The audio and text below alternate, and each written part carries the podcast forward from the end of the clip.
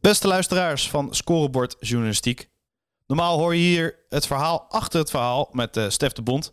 Maar nu doen we eventjes wat anders. Je gaat luisteren naar een fragment uit de Dik voor elkaar podcast over Feyenoord. Michel van Egmond en Martijn Krabbedam die werden overvallen in de podcast door het trieste nieuws dat Wim Jansen op 75-jarige leeftijd overleden is. En dat fragment wilden we jullie ook in deze podcastfeed niet onthouden. Mocht je de hele podcast willen luisteren, die is ook beschikbaar via alle podcast-apps. En er staat ook een linkje in deze beschrijving. Ja, daar worden we stil van. Hè? Ja, daar worden we stil van. Weer een Feyenoord-icoon overleden. Ja. Goh.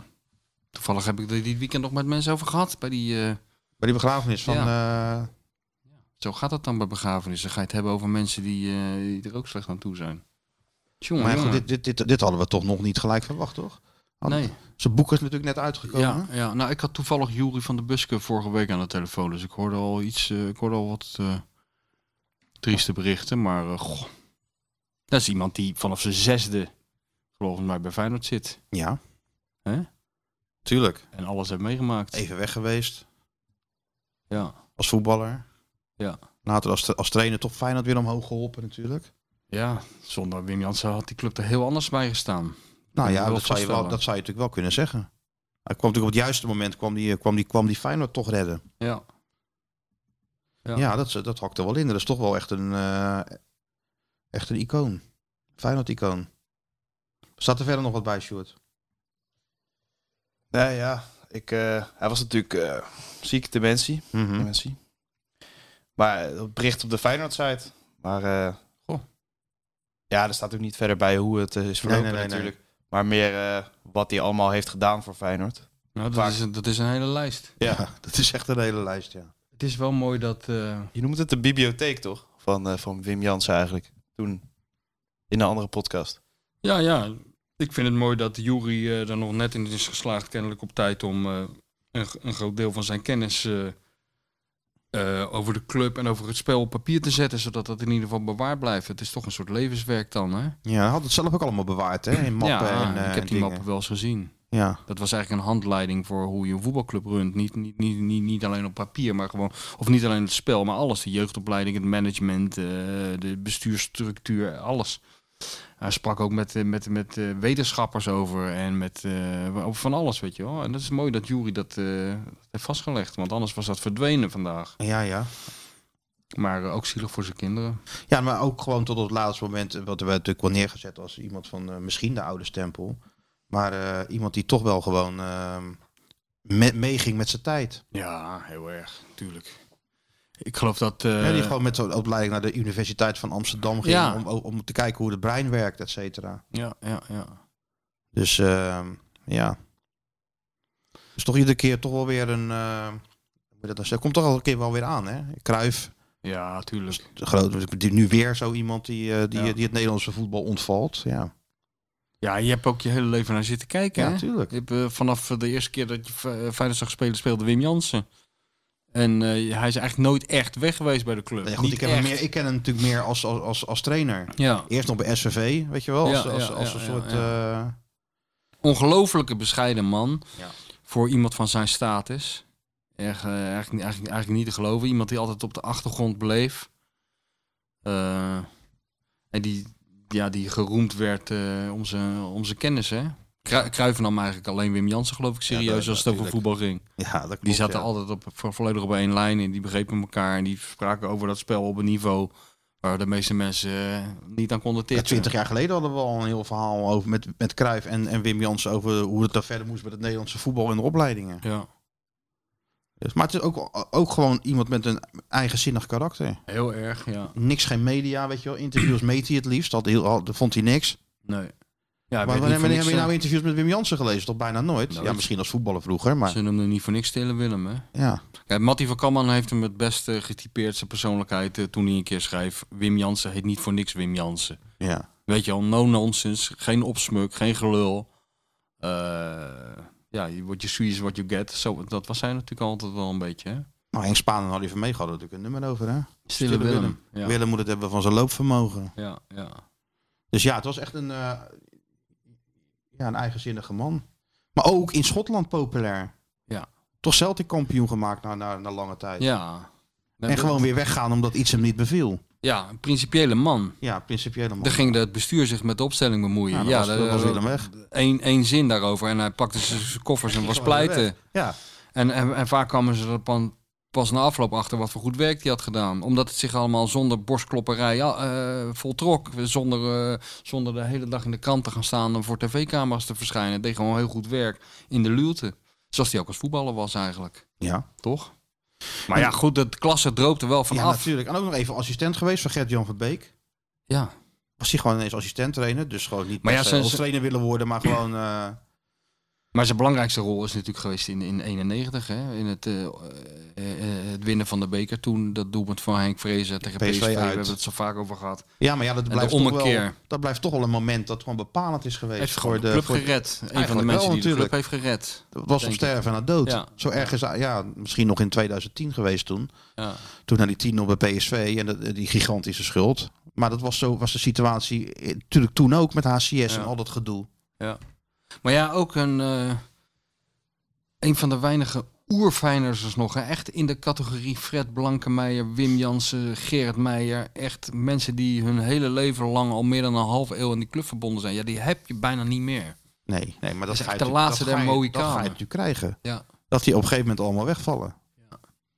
Dus ja, en het is... eh, Maar weet je, en in Nederland is hij misschien, iedereen vond hem natuurlijk wel goed. Als je ook oud, oud, oud, oud spelers vraagt, ik sprak met Jan Evers er wel eens over, die zei van, eh, ook nooit schelden Wim Jansen, weet Nee. je wel. Dus als hij een keer een verkeerde paas gaf, of drie keer, dan liep Wim Jansen even langs. En die zei van, even nu drie korte ballen. Ja. Even even in de, dus dat dus nooit, nooit zijn stem verheffen Nee, om, om dingen gewoon helpen. te Iemand krijgen. helpen Ja, de- we helpen.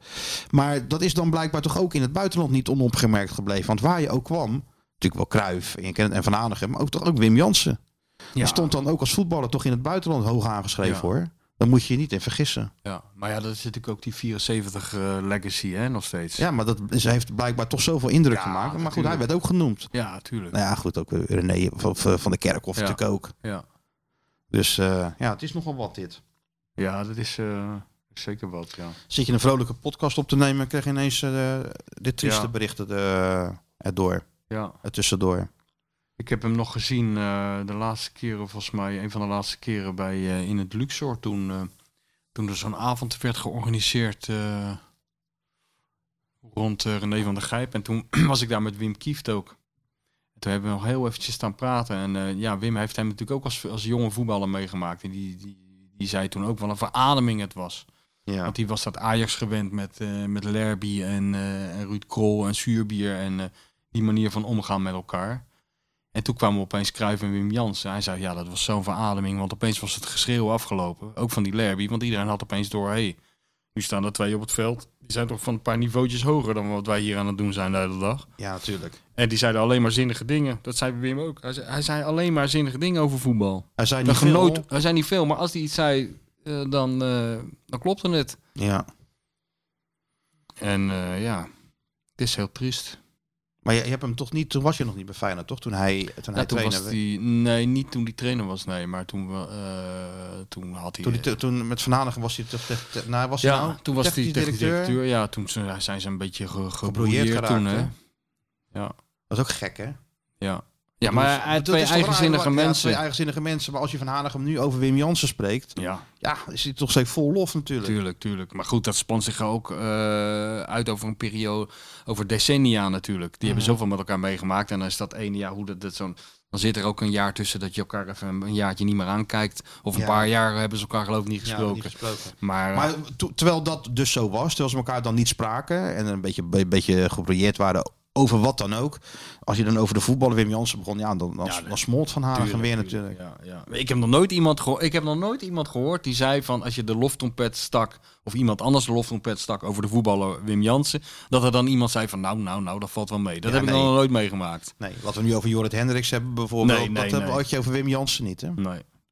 Ik geloof niet dat ik dat ooit van iemand heb gehoord. Vroeger niet en nu niet. Iedereen, iedereen erkent dat dat eh, gewoon een van de beste voetballers die Nederland ooit gehad heeft. En Feyenoord ooit gehad heeft. Ja. Dus dat zegt wel wat. En ook qua karakter paste die er natuurlijk wel prima bij. Ja, Niet nee, maar dat vind ik... vooruit en zo. Weet je, het is Ja. gewoon altijd gewoon, Ja, een cultuurbewaker inderdaad. ja, een cultuurbewaker, ja. En dat is wel, dat, dat, dat vind ik ook het is sowieso triest. En ik denk ook aan, eh, aan, aan zijn kinderen en zo. eh, als je zo'n bericht hoort. Natuurlijk, Dat natuurlijk. is allemaal verschrikkelijk. En aan zijn vrouw uiteraard. En al, alles en iedereen. Maar je, hebt bij hem ook... Er gaat inderdaad iets, iets, iets verloren. Wat ook verloren ging toen, toen Blankenmeijer ging. Iets van... Ze hebben de club meegemaakt. eh, in een periode, ja... Die onvergelijkbaar is met nu. En ze hebben een soort... Een deel, ze zijn, die club is deel van hun geworden, weet je wel? Mhm. En de mentaliteit zit in hun, in die mensen. En die, dat is nu verdwenen. En dat is ook bijna niet over te brengen, die mentaliteit. Nee. En dat, die ervaring die ze hebben met die club. Maar Kijk, hij heeft natuurlijk meegemaakt dat Feyenoord gewoon van een klein clubje de grootste van Europa werd. En weer terug. Ja, alles. Alles meegemaakt. En zich altijd in dienst gesteld van, Ja. eh, van Feyenoord. Hè? Of het nou als trainer was, technisch directeur, eh, eh, maar ook op het laatste in assistent, maar ook op het laatste in de opleiding. Om, dan ging hij het liefst naar de jongste jeugd kijken. Ja, of probeerde hij, altijd de, probeerde de trainers eh, te helpen. Ja, ja, ja. en de Dus hoofdtra- nooit- dus hoofdtrainers ook natuurlijk. Heeft hij Ook? natuurlijk ook vaak Ja, nog bijgestaan. Dus zichzelf eigenlijk altijd, altijd weggecijferd ja, weggezuipt voor, voor de club. voor de club. Daarom had hij ook altijd zo'n hekel aan van die passanten die, eh, die met de borst vooruit liepen en het grote Feyenoord-embleem eh, rondliepen alsof ze de Kuip hadden opgericht, alsof ze de club hadden opgericht. Ja. Dat, dat steekt dan natuurlijk, dat kan ik me ook heel goed voorstellen. ja, en tot het laatste gewoon vooral, een, wat ik zeg, een liefhebber gebleven. ja. Die het liefst gewoon naar de jonge talenten keek dan naar, dan naar het eerste team. ja. Dus Tenminste, zeker op het laatst natuurlijk. ja. Want als je, als je dan Stanley Blight wel eens sprak, weet je wel, of die andere jongens in de opleiding, ja. Hij, hij zijn niet veel naar, de buiten, naar buiten toe dan die Wim Jans. Maar intern komt natuurlijk iedereen gewoon bij hem, eh, bij hem langs om te vragen hoe, hoe dingen Ja. bepaalde, hoe die bepaalde dingen zag. En, en Ja, deed. nee, maar dat, dat- is echt, echt eh, ook voor Varkenoord inderdaad, voor de jeugdopleiding, echt een groot gemis, weet je. Dat hij, eh, je moet toch eigenlijk altijd zo iemand hebben die, de, die als een soort barometer fun- fungeert en die je als vraagbaak kan eh, consulteren. En, Mhm. Dat was hij natuurlijk bij ja, uitstek. net, die net even anders naar de dingen kijkt natuurlijk. En gewoon heel veel kennis had. Eh, weet je, hij is nooit opgehouden volgens mij met zich te ontwikkelen. Hij had natuurlijk een aangeboren talent voor voetbal. Hij had dat inzicht. Nou, dat kan je volgens mij niet aanleren. Dat heb je gewoon. Maar hij, je kan het wel ontwikkelen. En dat heeft hij als speler gedaan. Maar dat, dat is, daar is hij nooit mee opgehouden. Nee. Hij is altijd bij, eh, blijven bijleren. Weet je, eh, Derksen vertelt ook altijd dat hij in die VI-tijd met hem in een auto stapte. En dan zijn ze voor een serie alle jeugdopleidingen in heel Europa afgegaan. Hè. Ik heb dat Ja, ja. voor mijn Derkse boek allemaal zitten teruglezen Tuurlijk. natuurlijk. Hartstikke interessant. En, eh, maar dan ging de grote Wim Jansen, met, daar zag je foto's bij. Daar zat de grote Wim Jansen, de, de Europa Cup winnaar, de wereldbeker winnaar. Die zat gewoon met een stuk papier en een, en een potloodje aantekeningen te maken bij een of andere eh, man van, weet ik veel, Nant of eh, Servet. Van wie wij nog nooit hadden gehoord. Maar gewoon een hele tijd bijleren. En wat ik zeg, met, met, met, met Clem van der Kraan uit de Feyenoord-opleiding gewoon naar Amsterdam rijden. Ja. Om daar de ontwikkeling van het brein eh, Ja, te, ja. te kijken hoe dat toepasbaar is, eventueel in trainingen en, en, en voetbal. Dus eh, En die Glenn zeker heeft... niet eh, dat hij, dat hij, niet, dat hij daarmee is gestopt of zo. Nee, helemaal Maar- niet. Nee, je ging steeds verder. Steeds dieper juist. En steeds, steeds breder. Maar Steeds in essentie bleef natuurlijk heel veel wel hetzelfde. Het voetbal, het voetbalgedeelte. Daarom, Hield het En heel daarom simpel. was het natuurlijk gewoon ja, iemand die altijd wel vasthield aan het... Natuurlijk kan je de invloeden gebruiken, Ja. maar de essentie bleef altijd hetzelfde. Ja. Maar die Glenn heeft dus, eh, dat heeft, heeft, want ik had dus Jury aan de lijn, dat had hij, was wel slim. Kijk, ik heb ook een keer met eh, Wim Jansen een paar jaar geleden gezeten met al die mappen van hem. hè. Mhm. Maar het, ik, ik, ik dacht van ja, dit, dit, dit is mijn ding niet, weet je wel. Dat is, eh, ik, ik kon daar niet veel mee. Dat lag aan mij. Mhm.